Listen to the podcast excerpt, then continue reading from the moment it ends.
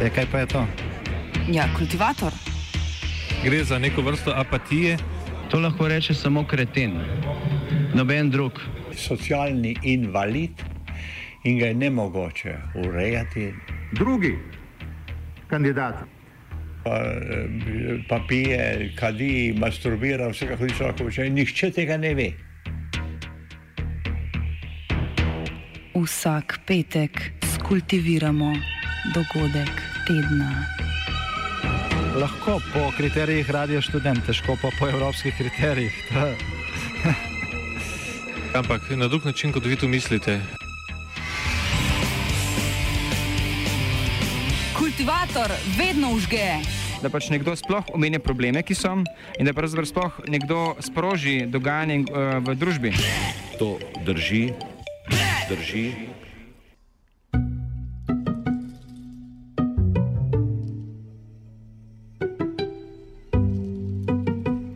Preteklem tednu smo lahko zasledili vesti o ponovnem izraelskem uničevanju palestinskih domov na Zahodnem bregu, a smo na ta račun ostali v veliki meri prikrajšani za seznanitev s palestinskimi protesti, ki se že drugi teden zapored vrstijo v Libanonu.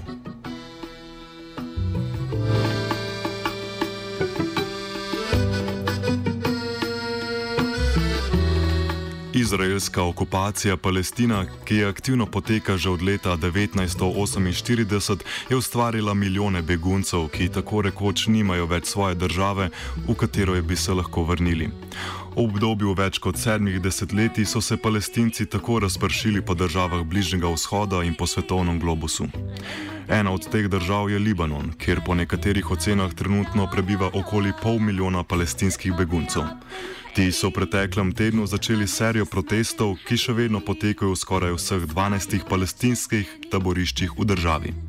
V naslednjih minutah bomo tako predstavili vzroke in morebitne posledice enih največjih ter najdaljših protestov palestinske skupnosti v Libanonu.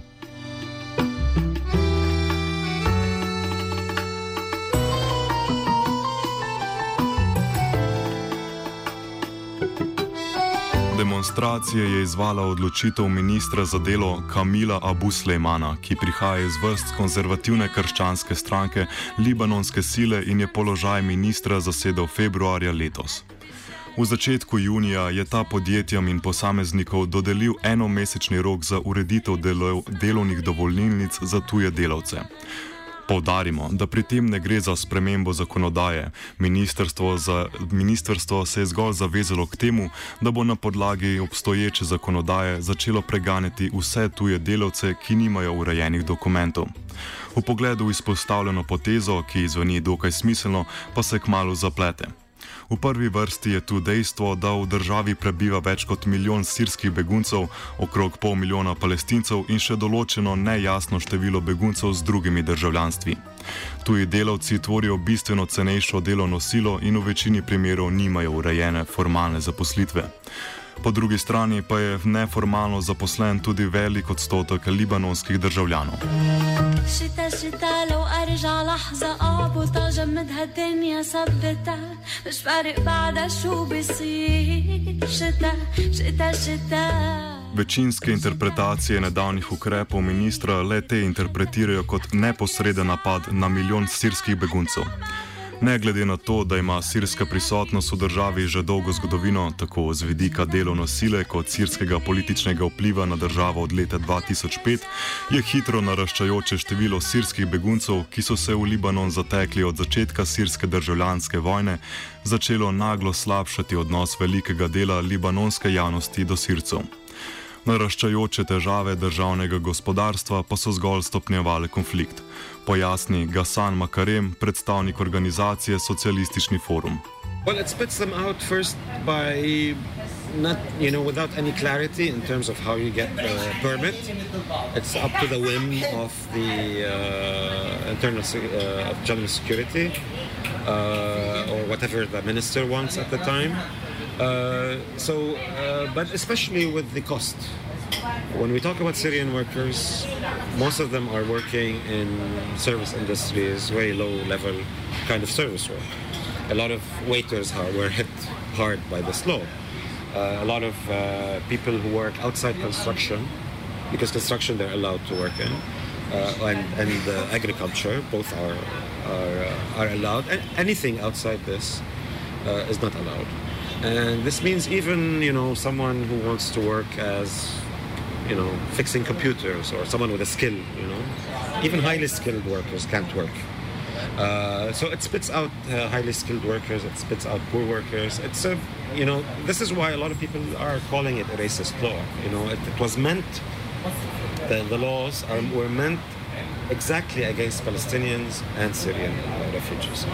With the Syrian refugees, it has always been normal in Lebanon that a lot of Syrians work in agriculture and construction. And this has been, you know, the construction, reconstruction of Beirut was on the back of Syrian workers. Uh, it was at a time that uh, Lebanese unions were being destroyed, uh, etc. And Syrian workers were brought in and they built everything you see now, all the new buildings, etc. Tako sta naraščajoči rasizem proti v Libanonu živečim Siricam začeli najvidnejše izkoriščati dve krščanske konzervativni stranki. Stranka Libanonske sile, katere član je trenutni ministr za delo Abu Sleiman in Svobodno patriotsko gibanje. Nabiranje političnih točk z zaustritvijo nadzora nad delovnimi dovoljnicami tujih delavcev, katerih namen je bilo izvajanje pritiska na sirsko populacijo, pa je nemudoma zbudilo po vsej verjetnosti nepričakovano reakcijo.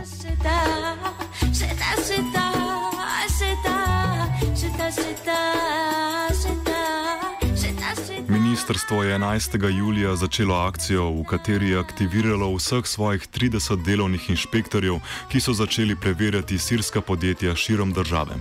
Zaradi neurejenih dovolilnic za tuje delavce so v zgolj dveh dneh zaprli 600 različnih podjetij. 598 je bilo sirskih in le dve palestinski. Nepričakovano zaprtje dveh palestinskih podjetij je izvalo še bolj nepričakovano reakcijo palestinske javnosti.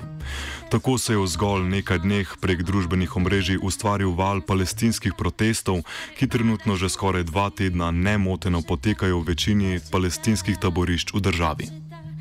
اشتقتش مثلي لريحتها دخلك رجع متى متى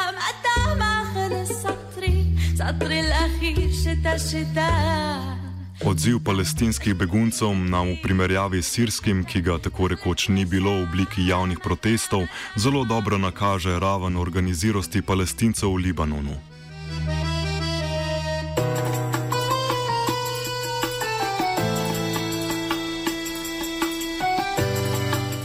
V nasprotju s sirskimi in ostalimi begunci v Libanonu je večina libanonskih palestincev tam rojenih oziroma tam živijo že celo svoje življenje.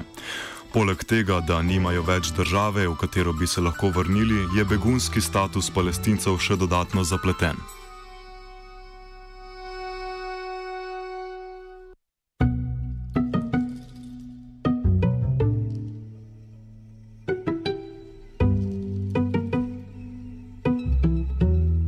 Problem vzpostavitve posebnega delovnega statusa, ki bi na ravni zakonodaje opredelil izjemo za palestinske delavce, predstavlja dolgo pereče vprašanje libanonske politike. Najvidnejše to poteka od leta 2005 naprej, prve spremembe v to smer pa so se začele dogajati leta 2010. Ta zamuden in zaenkrat še neuspešen proces opiše palestinska aktivistka Rana Maki. So in 2010, it started to being legalized. So in 2010, the, the law that he issued, not the law, it was come in a ministerial decision, but it, it hasn't been ratified yet. Uh, so he said, you know, Palestinians who are permanent residents here, i.e., the Palestinian Lebanese, do they do need a work permit, but they could acquire it uh, for free, and they will have they will get it like very easily. They don't have to go through the bureaucracy and whatever. Okay, لأنه they ha- يعني it's like he was giving them the right to work, but إنه just pass through this channel and we can't really change the law. لأنه the law uh, that it says no, they should get a work permit. Okay, but then when the minister changed, the next minister, he kind of deactivated the whole thing, and it's been like that since 2000, like when Sharb al Nahas left office. Okay, but the, the subsequent, like the, the, the subsequent ministers, uh, they all uh, freezed this uh, decision.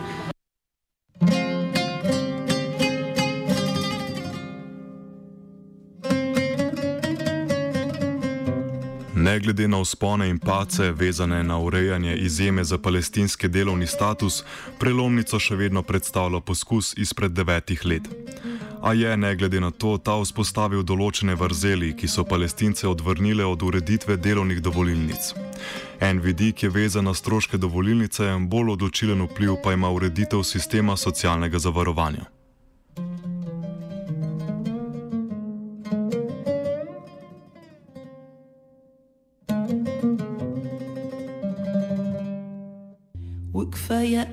Palestinski delavci so v ta namen dolžni plačevati 24 odstotkov davkov od zaslužka, medtem ko lahko, vsaj na papirju, koristijo le 8 odstotkov plačanih davkov. Država namreč ustraja v ustaljenem modelu, sodeč po katerem palestincem stroške socialnega zavarovanja krije Agencija Združenih narodov UNRWA. For Palestinians, what Sherban has did is because as Palestinians, we have UNRWA who covers our health services. He came up with this for formula in which we would pay 24% of our like and it's it's mandatory. It's not like it's our choice okay? It's mandatory. We would pay 24% of our income but we can only benefit of 8% and these 8% are what uh, are equal to the end of service, the pension thing. Okay, so let's say 8% go for pension and the rest go for health services. We cannot benefit from the health services that the Lebanese government offers through the social security because we have UNRWA. Okay, so we are paying 24%, but, but we can only benefit from 8% of it. And the 8% comes at the end of our service. But in reality, so far, only 300 or whatever Palestinians are actually registered in the Social Security, and none benefits from anything. Even those who retire, they never got their money for pension.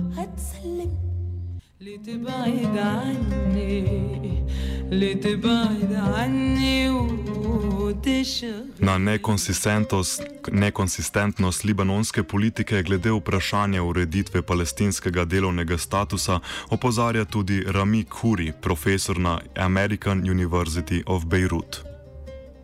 Well, this has been going on for decades. This is not new. Um, there's been laws, there's been regulations, there's been administrative decrees. Sometimes you have a law, but the Minister of Labor doesn't want to apply it, or Minister of Labor wants to. The Interior people say, no, we can't do it.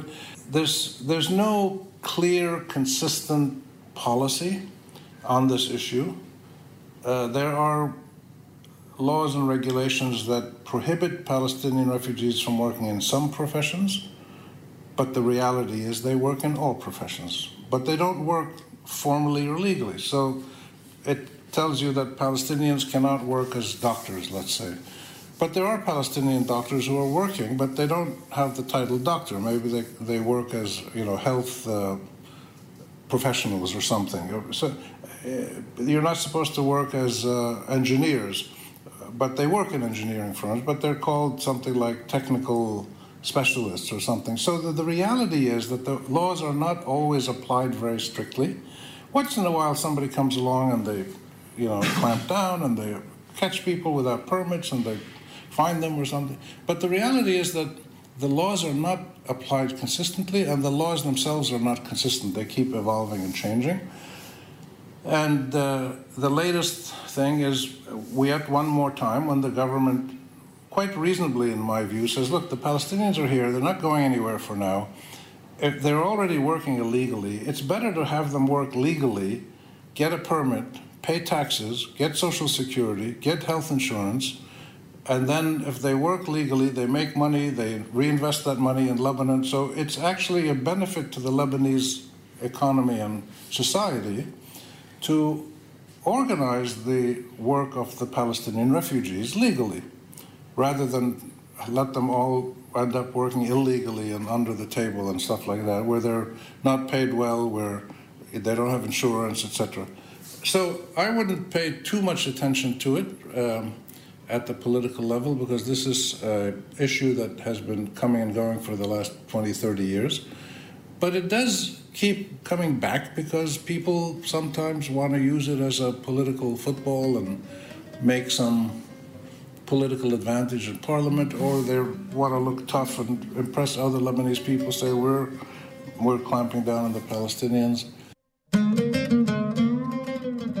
Kot smo že povdarili, dve osrednji krščanski stranki z izpostavljanjem vprašanja tuje delovne sile in upeljavo v regulaciji tekmujete za podporo javnosti, ki v zadnjih letih postaja vse bolj nastrojena proti prisotnosti sirskih beguncev v državi.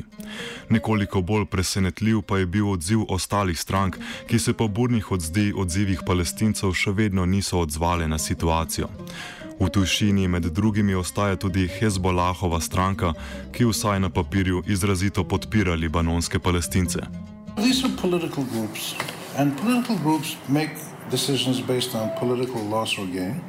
They calculate it's better to just be quiet, let's not get involved in this argument. We support Palestinians, we support the Syrians, we support whoever. Um, it, it, it only brings them more complications if they get involved in another public this debate or uh, disagreement.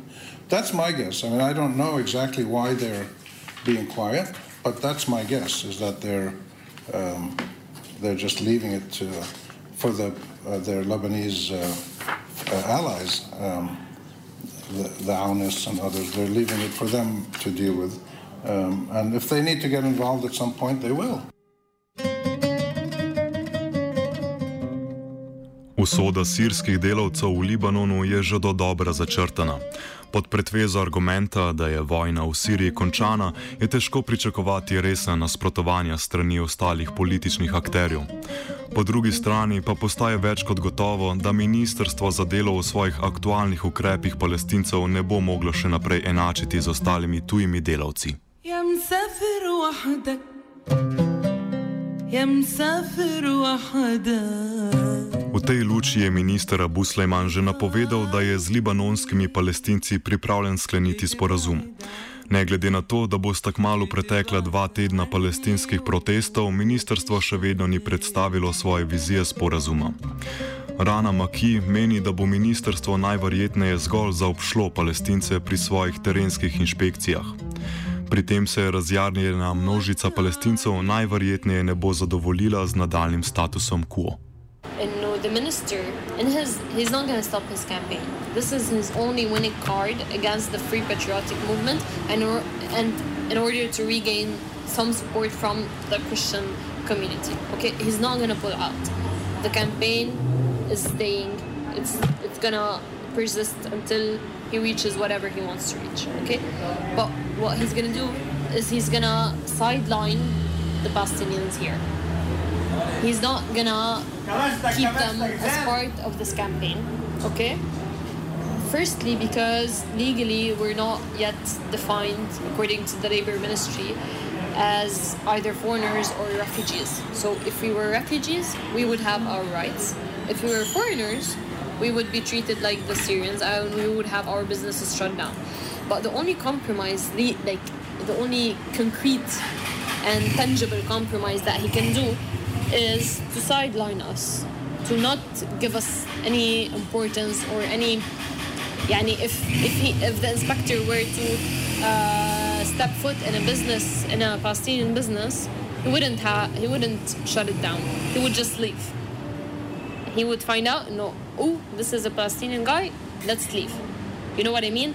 It's like we put ourselves. This is the this this is a very um, momental compromise. and no, for now we're safe. For now, because we had these protests today. But what happens next month or the month after, we don't know.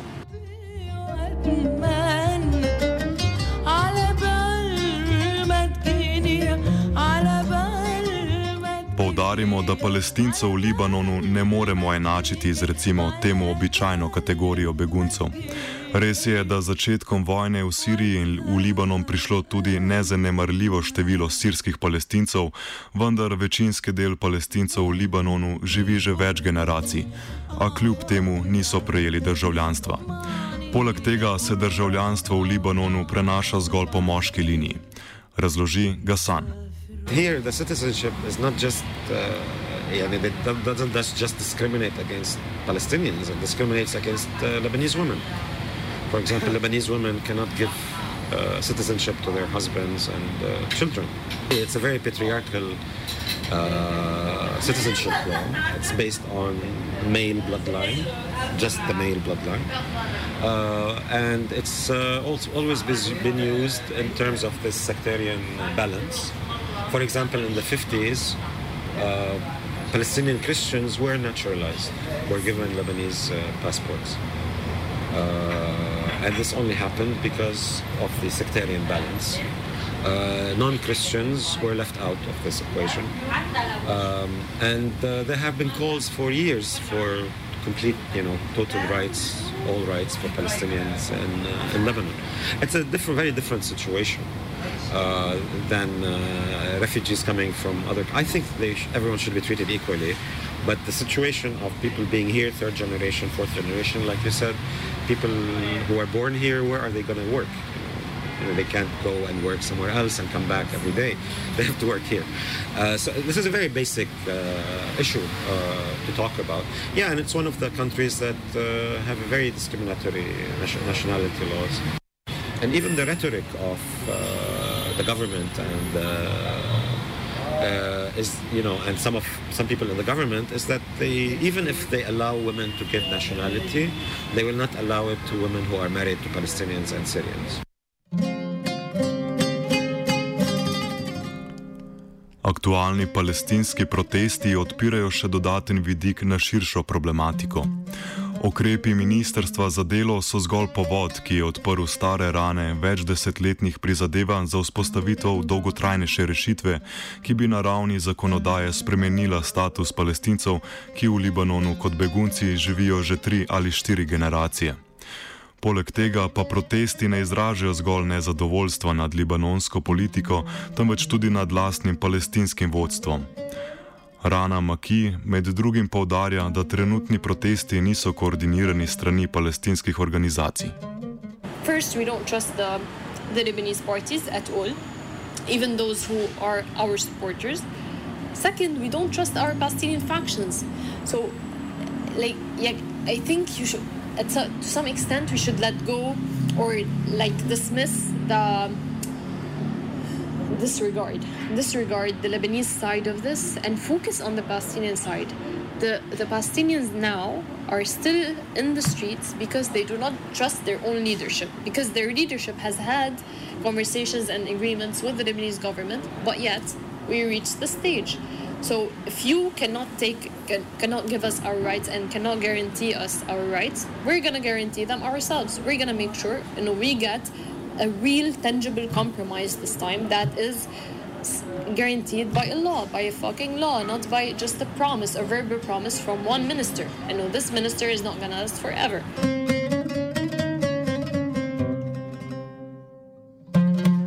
Glede na to, da protesti potekajo zgolj med libanonskimi palestinci, moramo ponovno povdariti, da prvo in glavno tarčo ukrepov ministrstva predstavljajo predvsem sirijski delavci. Gre namreč za poskus vzpostavitve delne selekcije milijona tam živečih siricev. Ob tem pa lahko pokažemo še na en odločilen faktor, vezan na prejem delovne dovolilnice. Sodeč po pogovorih s tamkajšnjimi Sirici, smo v vseh primerjih naleteli na pritožbe glede libanonskega birokratskega aparata.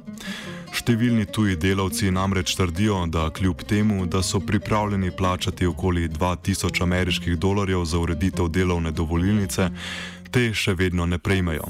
Po vdaji prošnje se vedno znova izgubijo v libanonski birokraciji. Postopek za pridobitev delovne dovolilnice je namreč namerno vzpostavljen tako, da si je večinski del tujih delavcev ne uspe urediti, razloži Rana Maki.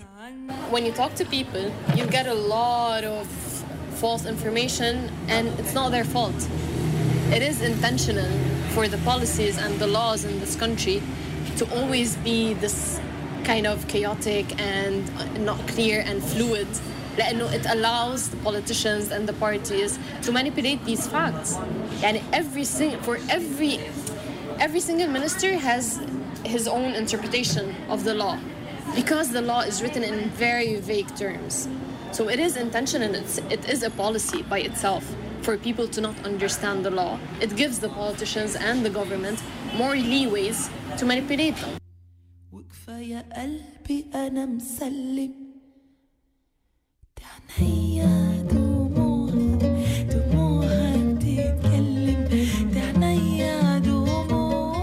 Za konec pa se še kratko, skoraj neposredno javljamo, iz protestov v palestinskem taborišču Šatila v Bejrutu.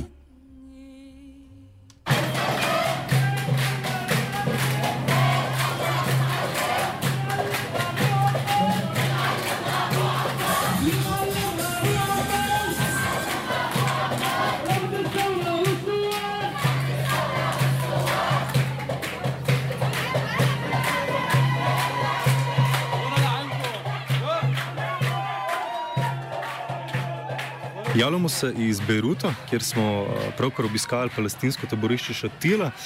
Tam so se le nekaj minut nazaj končali a, protesti, ki se v bistvu, tako kot v, v 11 od 12 taborišč palestinskih a, širom Libanona, a, protesti vsak dan ponavljajo že skoraj dva polna tedna. A, zdaj, mogoče predno nadaljujemo s samimi konkretnimi številkami in potekom protesta, moramo izpostaviti, da je Šatila a, nekoliko specifičen primer, a, ker se je pač tukaj naselilo v zadnjih letih zelo veliko število a, sirskih beguncev, ne, tako da je v bistvu to taborišče v, v zadnjih letih nekako izgubilo status tega a, striktno palestinskega taborišča. Zdaj to se seveda odraža tudi na, na, na neki intenziteti a, teh protestov. Zdaj, tukaj imamo dve specifike, ki jih moramo izpostaviti. Ne. Danes je sicer pošatili koraklo nekih 150 ljudi, ki so vzklikali gesla, ampak po drugi strani je pa pač večina prebivalstva palestinskega v taborišču pač na ulicah, a, tako da so v bistvu na nek način sodelovali v tem protestu. Ne. Zdaj, tukaj moramo dodati še to, da, da se ta tabu, ta, te protesti, ki se dogajajo a, v zadnjih dveh tednih, a, dogajajo striktno zgolj znotraj teh taborišč. A, tako da ne gre za neko klasično obliko protesta, kjer bi se protestniki zbirali pred parlamentom ali kakorkoli drugače. Tako da v bistvu lahko govorimo, da, da celotna taborišča, saj palestinska populacija njih, ne, a, protestirajo. No, zdaj, če, če se lotimo samih uh, sloganov, ki se, ki se izvajajo, uh, konkretno v Šatili, recimo neka celotna agenda tega protesta danes je bolj podpora uh, protestnikov v, v, v največjem palestinskem taborišču uh, blizu mesta Sajda, uh, Ain el-Hilveh. Kjer uh, potekajo tudi v bistvu najbolj intenzivni protesti. No. Uh, tako da bi lahko nekako tako posplošili uh, z izjemo, ne, seveda, itak pozival uh, ministru, da se pač ne bodo udali. Uh, je bil v bistvu večinsko, so bili večinski vzkliki posvečeni izključno, uh, oziroma večinoma uh, prav uh, ostalim palestincem uh, v drugih taboriščih, ki protestirajo bolj intenzivno kot uh, v, konkretno v Šatili. Največji strah, ki pa trenutno zadeva te, te proteste, uh, pa je vezan na to, da bi se protesti uh, nekako preselili iz samih taborišč na, na, na ulice libanonskih mest. Um, pri čemer seveda obstaja uh, resen strah, da uh, bi to vodilo do, do konfrontacije protestnikov z samo vojsko. V stalni 70-odstotni vlažnosti zraka je iz Bejruta kultiviral prešvican smolič.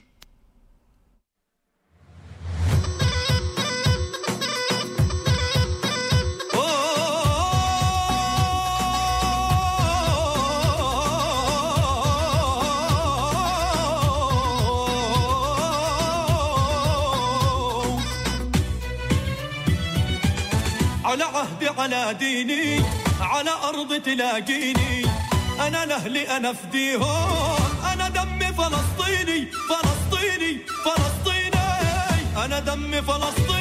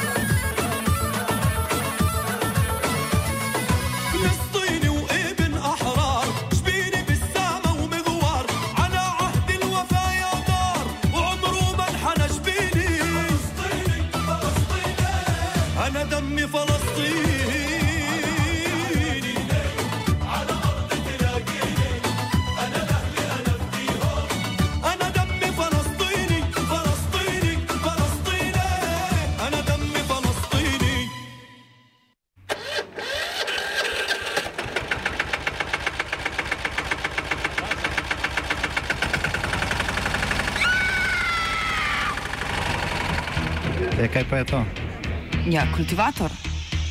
Gre za neko vrsto apatije. To lahko reče samo kreten, noben drug. Socialni invalid in ga je nemogoče urejati. Drugi kandidat. Pa, eh, pa pije, kadi, masturbira, vse kako ti človek počne. Nihče tega ne ve. Vsak petek skultiviramo dogodek tedna. Lahko po kriterijih radio študent, težko pa po evropskih kriterijih. Ampak na drug način, kot vi tu mislite. Kultivator vedno užge. Da pač nekdo sploh omenja probleme, ki so, in da pravzaprav sploh nekdo sproži dogajanje uh, v družbi. To drži, drži,